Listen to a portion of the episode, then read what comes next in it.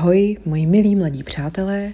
Vítám vás u podcastu s názvem Příběh, který se opravdu stal, u čtvrté epizody, která se jmenuje Vztahy, které změnily chod dějin. Kdyby vám připadalo, že mluvím jako Saskia Burešová, tak je to proto, že už je mi všechno úplně jedno. Tak doufám, že si poslech užijete i v této turbulentní době, vymknuté z kloubů a já vám přeji příjemný a ničím nerušený, hluboký umělecký zážitek.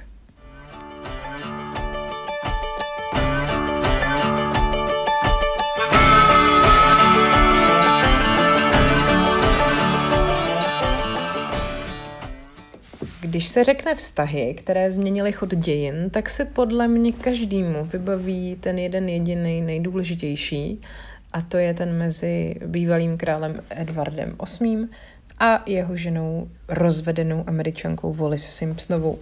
Navíc eh, se jim věnovala jedna dějová linka v seriálu The Crown, který teďka každý sleduje, takže mi připadá, že je to i takový jako docela populární. Tak jsem to samozřejmě nemohla vynechat. Pojďme na to. Eh, Edward se narodil 23. června jak, no, 1896 jako nejstarší syn Jiřího vévody z Yorku, který se teda později stal králem Jiřím V. a jeho manželky eh, Mary Steku, která byla pozdější královnou Mary. Eh, byl, měl takovou tu klasickou, takový to klasický vzdělání urozeného člena urozeného člena takhle jsem to myslela, eh, studoval na námořních školách a pak sloužil u britského námořnictva, pak měl i nastoupit eh, na frontu do první světové války, ale tehdejší britský ministr války to zakázal, protože to podle něj bylo přímé ohrožení eh, toho následníka trůnu No a to, kdyby věděl, co se stane potom, tak by ho tam podle mě klidně poslal. No nic, uh, Edward potom ještě chvíli studoval v Oxfordu, ale podle svých učitelů na takové studium nebyl dostatečně připraven, to je taková takový pěkný eufemismus a po osmi semestrech uh, odešel, tak jako k čemu taky, že jo, král prostě nepotřebuje nějaký trapný vzdělání. No, Uh, on byl uh, v podstatě nejpopulárnější člen britské rodiny v té době, takový britský JF Kennedy. Uh, jeho atraktivní vzhled a charisma, zcestovalost a status svobodného muže mu přinesli velkou pozornost a stal se populární jako filmová hvězda té doby. A v době svojí největší slávy se dokonce stal nejfotografovanější celebritou a určoval mužskou módu. Což je všechno skvělý, když jste lid, ale když jste královská rodina, tak je tohle všechno úplně špatně. Jo? Když jste královská rodina, máte být konzervativní, nenápadný, rozhodně ne moderní, už vůbec nemít názory, charisma nebo prostě se třeba usmívat pro boha.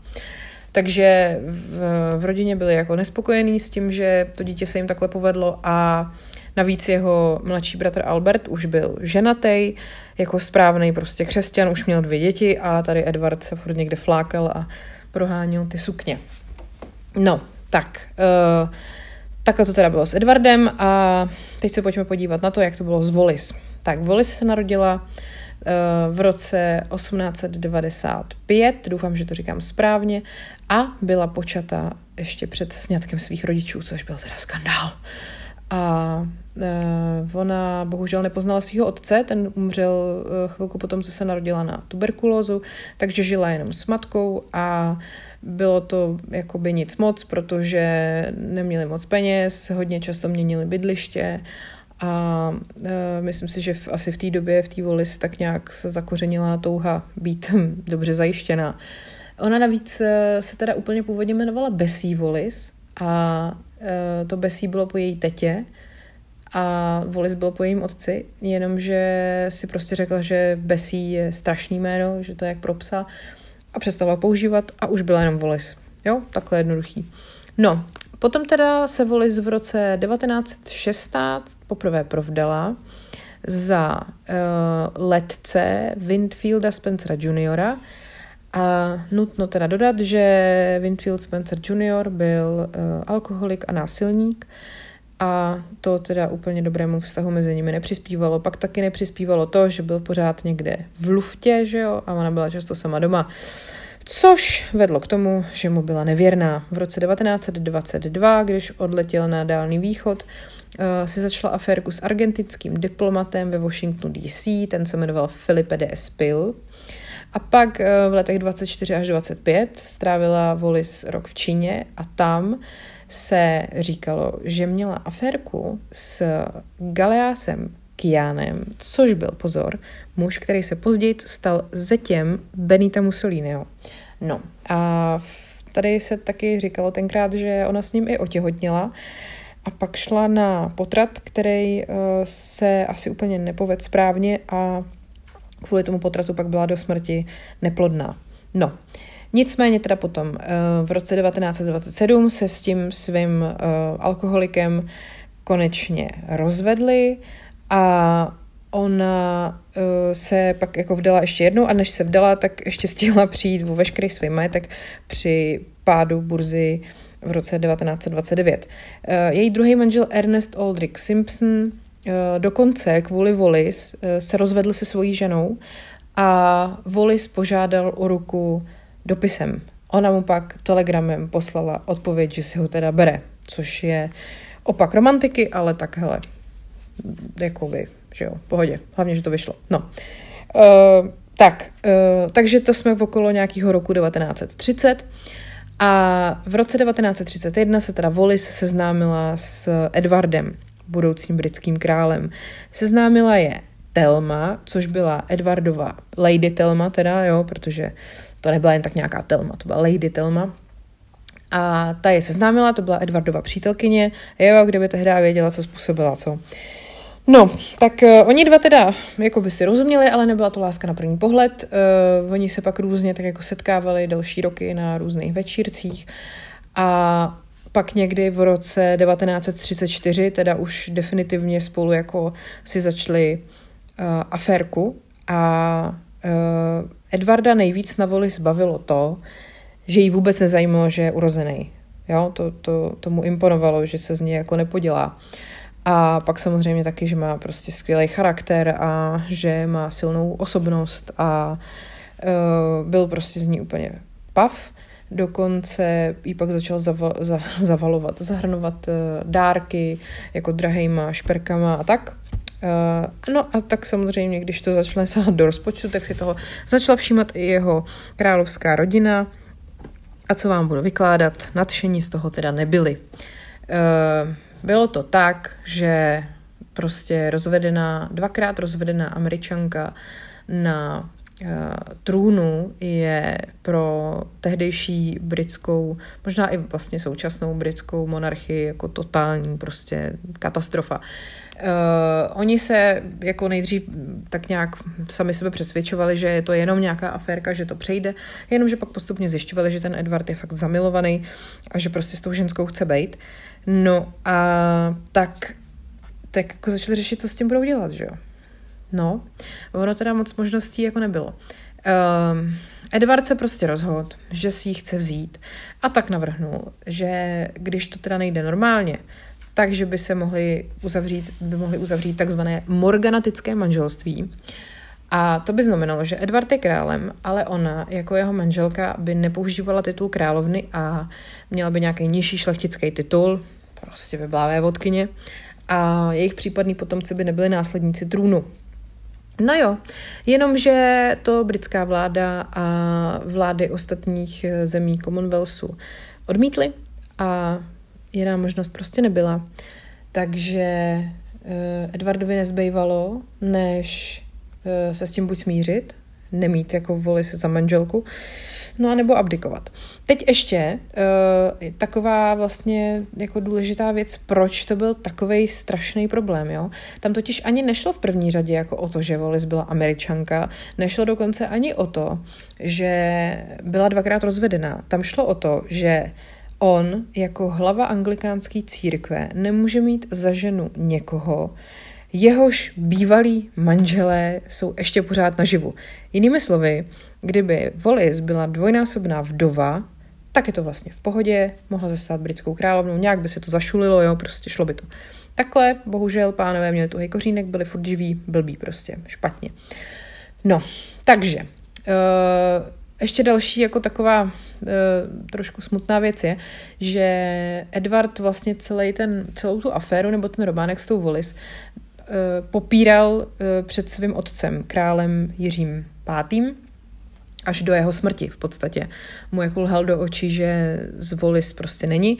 Přitom e, se králi jako donášeli od služebnictva takový ty historky, jaké různě toho Edvarda z Volis načapali někde spolu v různých po, po, polohách a tak. No a pak prostě teda král Jiří V. zemřel a uh, Edward má nastupovat na jeho místo, což se stalo vlastně v roce 1936. V lednu byl korunovaný anglickým králem a stále pokračoval ve svém vztahu s Wallis. Což prostě už bylo úplně do nebe volající příšernost, No a on potom eh, po nátlaku ze všech stran eh, v listopadu vlastně premiérovi oznámil, že eh, to dál takhle nejde, že on odmítá vládnout bez podpory ženy, kterou miluje a že bude abdikovat. Takže se to opravdu stalo a on eh, v prosinci 1936 abdikoval, podepsal eh, ve Fort Belvedere dokument o té abdikaci za přítomnosti svých bratrů Alberta vody z Yorku a Jiřího vody z Kentu. No, potom teda po abdikaci v rozhlasovém projevu vysvětlil národu, že jo, ty důvody té abdikace, a, což byla Volis, a odjel do Rakouska a na trůn nastupuje jeho bratr Albert, vévoda z Yorku a ten se teda uh, stává uh, jeho nástupcem a vládne jako král Jiří VI. Je to vlastně zároveň teda otec nynější královny Alžběty, což je vlastně to ono, co tak strašně moc pohnulo tím chodem dějin, že jo? protože Eh, bez toho, kdyby nebyla Volis, tak zřejmě britským králem by byl Edward a Alžběta by se nikdy nedostala na trůn a tak dále a tak dále. No. Edward z Volis se teda potom oženili 3. června 1937 při soukromém obřadu ve Francii a ona přijala po svatbě příjmení Warfieldová. Tak. No a teď teda konečně začíná ta sranda, protože oni se s tím teda jako vůbec nestrali v fouzovkách, jo. No, Oni prostě, uh, první v podstatě, co udělali po svatbě, je, že jeli do Německa a tam se jako skamarádili se všema nacistickými důstojníkama, který tam byli. Uh, vůbec se tím jako netajili, nechali se u toho fotit, přišlo jim to strašně v pohodě, uh, velmi jako obdivovali a třeba Hitler dokonce se vyjádřil o Volis velmi obdivně, řekl, že si myslí, že Volis by byla opravdu skvělou britskou královnou což uh, je lichotka, kterou si člověk úplně dá na nástěnku, že jo. No. A dokonce samozřejmě se kromě toho, že se teda s těma náckama takhle jako kamarádili, tak se pak začalo jako vykládat, že Wally Simpsonová měla aférku s nacistickým důstojníkem Joachimem von Ribbentropem. A navíc teda Uh, jo, za prvý se to jakoby i zaneslo do svazku FBI a za druhý se říkalo, že Joachim von Ribbentrop pak Wallis každý den posílal 17 karafiátů a nebylo jich 17 jen tak náhodou. Ta 17 byl počet jejich řekněme, postelových setkání uh, během doby, co spolu jako nějak strávili, nebo co, co spolu tu aférku v Londýně měli. Takže prostě 17. Mně se líbí, jak to měl spočítaný, každý den jí to prostě poslal. Zajímalo by mě, co na to říkal ten její manžel Edward. No. Uh, nicméně tady tyhle ty všechny jako skandály vyústily v to, že Voli s Edwardem nedobrovolně byli uh, odesláni do exilu na Bahamách. Chudáci malí, jo, provedli takové věci a byli prostě na Bahamách ve vyhnanství, kde je prostě modrý moře azurový nebe, ty vole písek, jako hnus. Já si to vůbec nedovedu představit, to je prostě vězení v podstatě. Ale je pravda, že vole se tam opravdu jako prej nesnášela. Tak, uh, potom uh, se vrátili teda z exilu, nějak se asi uklidnili, přestali se kamarádit s náckama a v Paříži si pronajali dům od města za velmi symbolickou částku. Bylo to obrovský sídlo a uh, žili velmi neskromným uh, životem. Oni z části byli živený vlastně stále jako by britskou uh, královskou rodinou, pak taky třeba o sebe vydali knížku, tak to jim taky něco hodilo, prostě majetky měli, to nebyl problém. No a měli takový různý výstřelky. Volis uh, milovala mopsíky, Milovala je tak moc, že jich měla hodně a dávala jim nesmyslný jména. Mám tady jich pár. Davy Crockett, Black Diamond, Ginseng, Disraeli, Imp a Trooper. A milovala nejen živý mopsíky, ale milovala i ne mrtvý mopsíky, ale milovala mopsíky polštářky. Měla jedenáct uh, polštářků ve tvaru mopsíků, se kterými spala. A ty polštářky mopsíkový potom po její smrti byly vydražený za skoro 14 tisíc dolarů, což je prostě neuvěřitelný. No a ještě taky další uh, dražba bizarní se odehrála v roce 97. Ten aukční dům Sotheby's, uh, londýnský, dražil, teď fakt nekecám, kus dortu ze svatby Volis a Edvarda, který vlastně už v tom roce 97 byl 60 let starý. No, a to byste nevěřili, že lidi jsou za kus 60 let starého dortu schopný dát 3000 dolarů. Nějaká paní to tady vydražila a je z toho úplně prostě vyřízená, jak je to skvělý.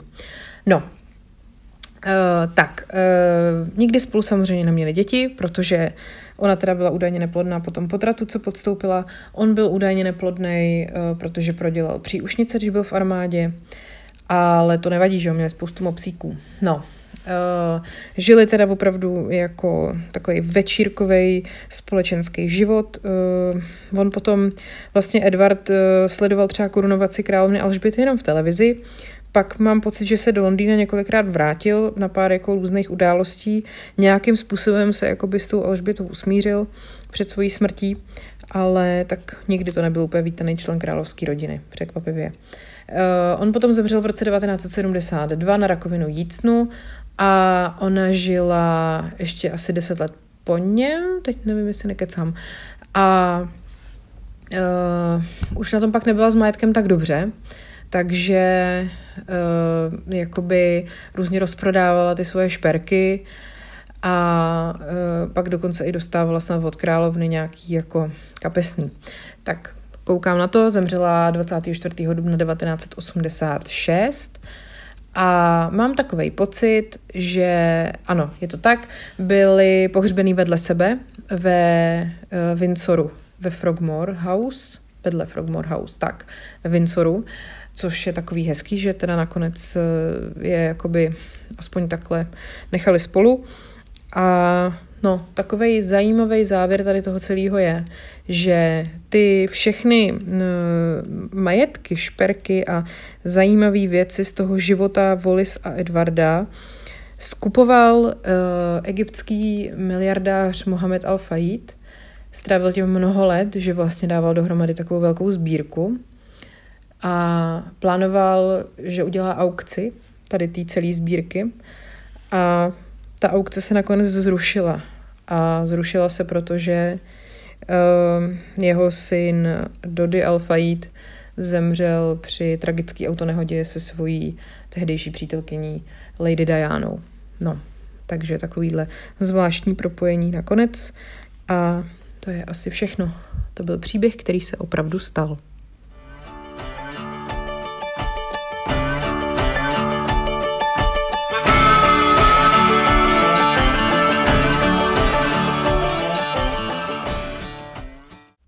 Další vztah, který změnil chod dějin, eh, je vztah manželů Mildred a Richarda Lovingových. Myslím si, že my tady u nás v Čechách nebo v Evropě tohle to neznáme, eh, zatímco třeba v Americe eh, je takzvaný případ Loving versus Virginia docela dost známý. Mildred a Richard Lovingovi byli manželé, přičemž každý z nich byl jiné rasy. Richard byl běloch a Mildred měla indiánské a černožské předky. Eh, což dneska je naprosto normální, ale oni dva eh, spolu byli v 50. letech minulého století a tehdy to byl bohužel ještě stále problém. Takže pojďme úplně od začátku. Mildred a Richard uh, se spolu poprvé viděli nebo seznámili, když jí bylo 11 a jemu bylo 17. On byl jakoby rodinný přítel a uh, prostě se tak jako potkávali. Samozřejmě v té době ještě mezi nimi nic nebylo. Až potom o pár let později uh, žili od sebe jenom asi tři nebo uh, čtyři kilometry Navíc jako vyrůstali uh, v takový docela, uh, jako v komunitě, kde právě byli uh, lidi různých ras a na tehdejší dobu to bylo jakoby, um, řekněme, neúplně obvyklý. Já nevím, jestli máte ponětí o tom, jak to v Americe vypadalo. Třeba v 50., 60., 70. letech, že jo, tam bylo normální, že bílí paničky na předměstí obhospodařovávají ty velké baráky, mají nějakou černožskou služebnou a uh, prostě to rozhodně nefungovalo tak, že by si uh, černoši a běloši spolu zavírali sňatky a podobně. No, nicméně teda uh, Mildred a Richard byli výjimka. Oni spolu začali chodit, pak se rozhodli, že se teda vezmou, dokonce už to bylo po té, co Mildred otěhotnila. A uh, tam uh, vlastně začal ten problém, protože oni se uh, vzali ve Washingtonu DC, kde to takzvané mezirasové, uh, mezirasový sňatek byl legální a pak se ale vrátili do Virginie, kde bydleli a tam ale bohužel jako mezirasový snětek legální nebyl v roce 1958. No, teď prostě uh, jako se děly takové věci, že uh, třeba oni spali a najednou jim do baráku v noci vpad šerif a uh, zasvítil na ně, že jo, jako baterkou a začal na ně křičet, nebo na, na toho Richarda začal křičet, co tady děláš v té posteli s touhle ženskou? A uh, Richard teda řekl, že je to jeho manželka a ten šerif, který mu někdo dal anonymní tip, což je prostě strašný, uh, jako se s touhletou odpovědí jako nespokojil a uh, normálně prostě oba sebrali a zavřeli je do vězení, protože prostě v té Virginii tohle to byl zločin, jo, takže logicky, že jo, uh, je za to prostě zatkli. No a uh, on teda, Richard, strávil ve vězení jednu noc, uh, pak ho propustili na kauci tisíc dolarů, kterou zaplatila jeho sestra. Uh, Mildred uh, takový štěstí neměla, tý ani tu kauci jako nedovolili, takže tam zůstala asi tři noci v tom vězení a když ji potom propustili, tak uh, jako oni oba mm, řekli, že teda jsou vinný. Přiznali vinu, což jim eh, jakoby ulehčilo v tom následném, řekněme, potrestání. A ten soudce, který se jmenoval Leon M. Basil, eh, jim dal na výběr. Buď eh, opustí Virginii na 25 let, anebo teda půjdou do vězení. No tak samozřejmě, že si vybrali tu možnost, že opustí Virginii. A strávili mimo Virginii dalších 9 let. No ale jako nebylo to pro ně jednoduchý, že jo, takže museli prostě ze na den odejít eh, z rodné země, kde měli prostě veškerou rodinu a přátele a snažili se teda žít v tom Washingtonu, kde bylo to jejich eh, manželství legální a uh, nedařilo se jim tam moc dobře, ta Mildred byla prostě jako holka taková spíš jako vesnická a, a to město jí nevyhovovalo. Uh, chtěla vychovávat děti jinak, a e, rozhodli se, že to prostě budou dělat tak, že budou jako porušovat to nařízení toho soudu a tajně se vraceli do té Virginie a samozřejmě různě jako zvlášť, nikdy ne spolu, aby prostě nebyli spolu nikde vidět. No, bláznivý. No a e, během tohohle toho všeho, co se dělo, tak e, se tak jako za prvý už uh, začal lehce v Americe formovat uh, větší odpor uh, černochů proti jako rasismu, který tam prostě byl stále velmi silný.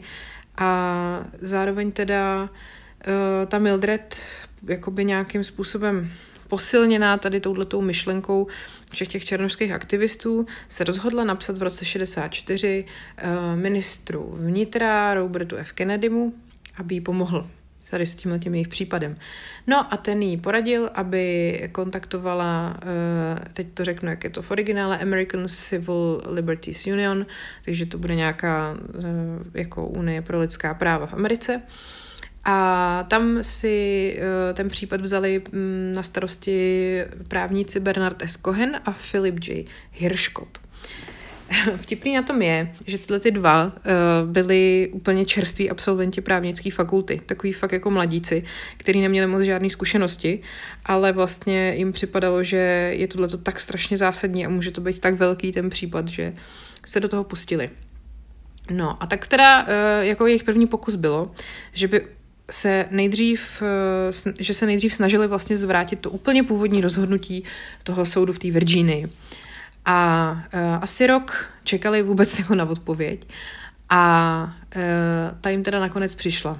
Eh, od toho původního mm, soudce Bazela, který uh, Mildred s Johnem poslal na těch 25 let z Virginie pryč. No a ten soudce jim teda po roce čekání odpověděl, že Bůh všemohoucí stvořil bílou rasu, žlutou rasu, černou rasu, malajskou rasu a rudou rasu. Zajímavý, jak to takhle Uh, přesně Bůh všemohoucí rozdělil na malajskou rasu, no to je jedno. A navíc je všechny ty rasy Bůh všemohoucí umístil na různé kontinenty, jo.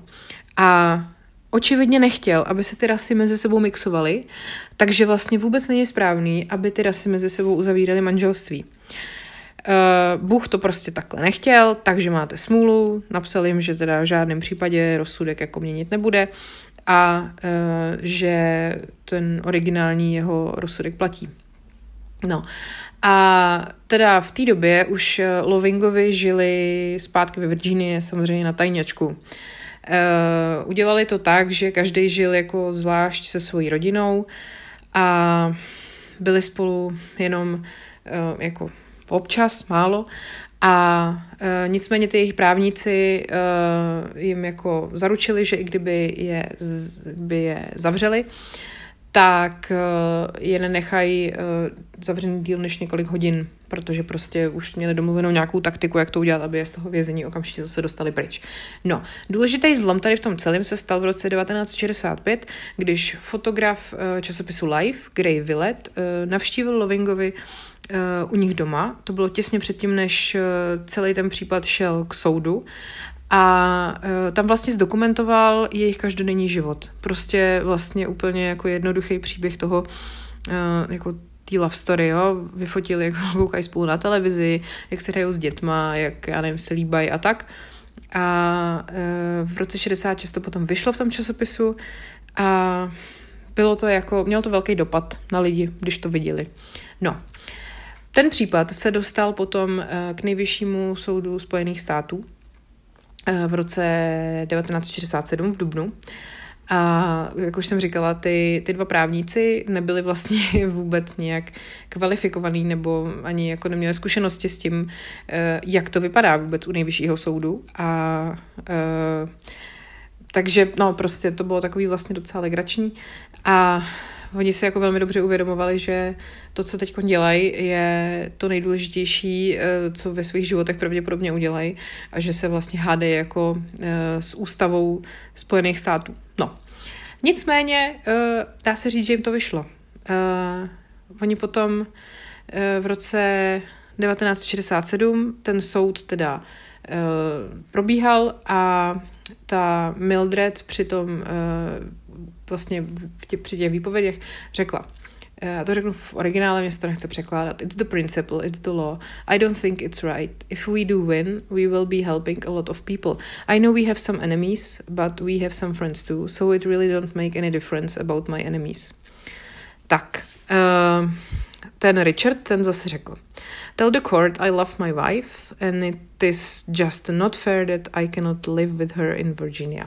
Hm, ano, má pravdu. Uh, a ty soudci souhlasili. Uh, jakoby přehlasovali, ta, ta jedna skupina těch, co souhlasili, přehlasovali tu druhou a 12. června 1967 rozhodli, že uh, ten zákon, který zakazuje interraciální nebo mezirasové prostě manželství, je uh, neústavní a tím pádem se v těch 16 státech, kde doteďka platil, okamžitě ruší. No a uh, teď vlastně došlo k tomu, že uh, zákony zakazující interracionální, racionální, vážně, interraciální manželství uh, jsou na základě rozhodnutí založeného na řádném postupu a ustanovení o rovné ochraně ze 14. dodatku ústavy zrušeny a je to tak, že teda podle naší ústavy svoboda uzavřít manželství nebo neuzavřít manželství se svou jiné rasy e, prostě zůstává na jednotlivci a nemůže být státem nijak porušena, řekl ten soud. tada, takže uh, se stalo, že Mildred a Richard Lovingovi dosáhli toho, že manželství mezi dvěma osoby dvou různých ras bylo všude v Americe legální. Trvalo to teda devět let, to je strašný, ale povedlo se. Oni byli teda konečně poprvé po těch devíti letech ve Virginii legálně jako manželé. A e, pak je trošku smutný, že tady ten celý příběh nemá úplně šťastný konec. Um, o osm let později uh, je srazil nějaký opilec v autě, když, uh, nebo teda do nich naboural. No a Richard zemřel na místě a Mildred uh, přežila, nikdy se znovu nevdala a zůstala vlastně žít v tom domě, kde spolu žili předtím. No, ona žila teda jako vlastně, řekněme, takový tichý, neveřejný život. Nikdy už se nechtěla k tomu, co se jako dělo, vyjadřovat. Zajímavý je, že do dneška se tak jako neoficiálně slaví 12. červen jako Loving Day, protože to loving je ještě vtipný, že to je jejich příjmení jako v souvislosti se slovem love. A e, slaví se teda to výročí toho, že ten nejvyšší soud e, uznal ty sňatky mezi těma dvouma rasama. No a potom ještě Mildred teda se na veřejnosti přece jenom ukázala v roce 2007. To bylo, když tady od tohohle toho zákonu bylo 40 let, tak se jí šli zeptat na to, co říká na sňatky homosexuálů. A Ona na to řekla, I believe all Americans, no matter their race, no matter their sex, no matter their sexual orientation, should have that same freedom to marry. Government had no business imposing some people's religious beliefs over others, especially if it denies people's civil rights. Takže prostě Mildred eh, samozřejmě logicky zastávala furt ten stejný názor jako před 40 lety a společně teda s jejím už zesnulým manželem vlastně velmi jakoby pohnuli, uh, pohnuli tím, co se v Americe mohlo a co se nemohlo. Takže to je další vztah, který ovlivnil chod dějin.